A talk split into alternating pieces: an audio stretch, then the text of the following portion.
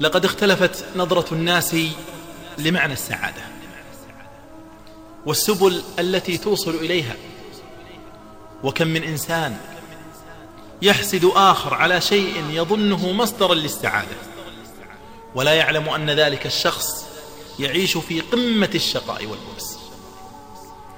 فهل السعادة في الشهرة أم هي في المال أم في الملك أم في الزوجة والأبناء؟ أم في السفر والرحلات. هذه هي السعادة في تصور الكثير. ولكن هل هذا صحيح؟ اسمعوا. سأذكر لكم مثالا واحدا يبين لكم خطأ هذا التصور. يقول الملك حسين بن طلال في كتابه مهنتي كملك في كلمة له حول السعادة. يقول إنني أعتقد بأن من العسير جدا إدراك السعادة في هذه الدنيا. سواء كان المرء ملكا أم إنسانا عاديا. ما هي السعادة بالنسبة للأغلبية العظمى من الناس؟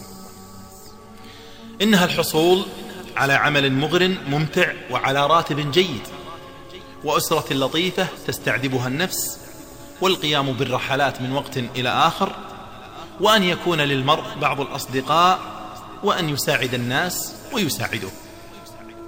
يقول لقد نلت كل هذا وما زال كل ذلك في متناول يدي ولكن هل يعني هذا حقا أنني سعيد؟ لا أعتقد ذلك. نعم لقد كانت حياتي خصبة مليئة ولربما لم يعرف مثلها إلا القليل من الناس. لقد عرفت السراء والضراء ولعل الضراء رجحت على السراء. وعاينت لحظات في غاية الشدة ومرت بي فترات في أقصى درجات الضيق. ومرت بي أوقات كنت أشعر فيها بأنني في منتهى العزلة. وعرفت الحداد والأحزان والنادر من الفرح والقليل من السعادة. انظروا هذا ملك من ملوك الدنيا. يقول لقد عرفت كل ما يمكن أن يعرفه كائن بشري الجوع والعطش والإذلال والهزيمة والنادر من اليسار والبحبوحة والقليل من السلام والراحة والابتهاج. إن حياتي الخاصة والعائلية غير منظمة فأعباء الدولة تحول بيني وبين أن أكون لهذه الكائنات الإنسانية العزيزة الغالية بالقدر الذي أرغب وأتوق إليه. ولطالما اضطررت أن أخيب آمالهم في الوقت الذي ينتظرونني فيه لتناول طعام الغداء معي.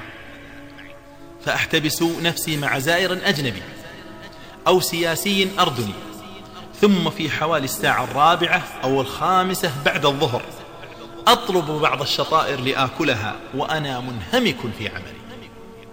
أما في المساء فإنني أغادر مائدة العمل في الساعة الثامنة أو التاسعة ويكون أولادي عندها قد استسلموا إلى الرقاد وتبقي في انتظار زوجتي وأولادي ليمنحوني الحرارة التي افتقدتها والتي أشعر أنني في مسيس الحاجة إليها.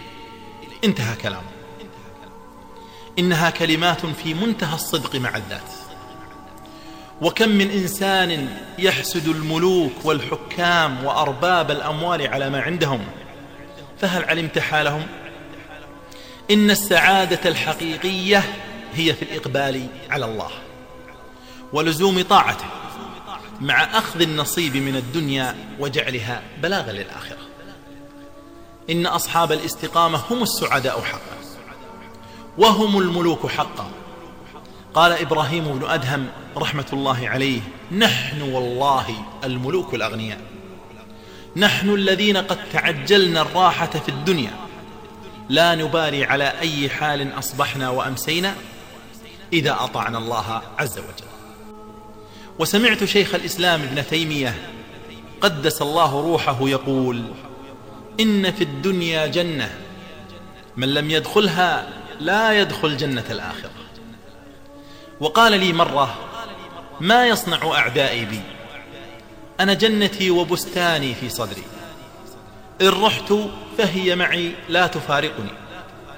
إن حبسي خلوة وقتلي شهادة وإخراجي من بلدي سياحة. انظر إنسان مسجون.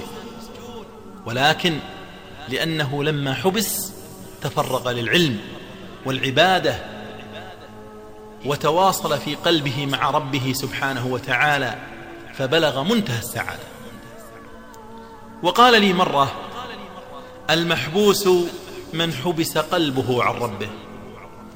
فيا أيها الأخ الحبيب أقبل إلى السعادة الحقيقية.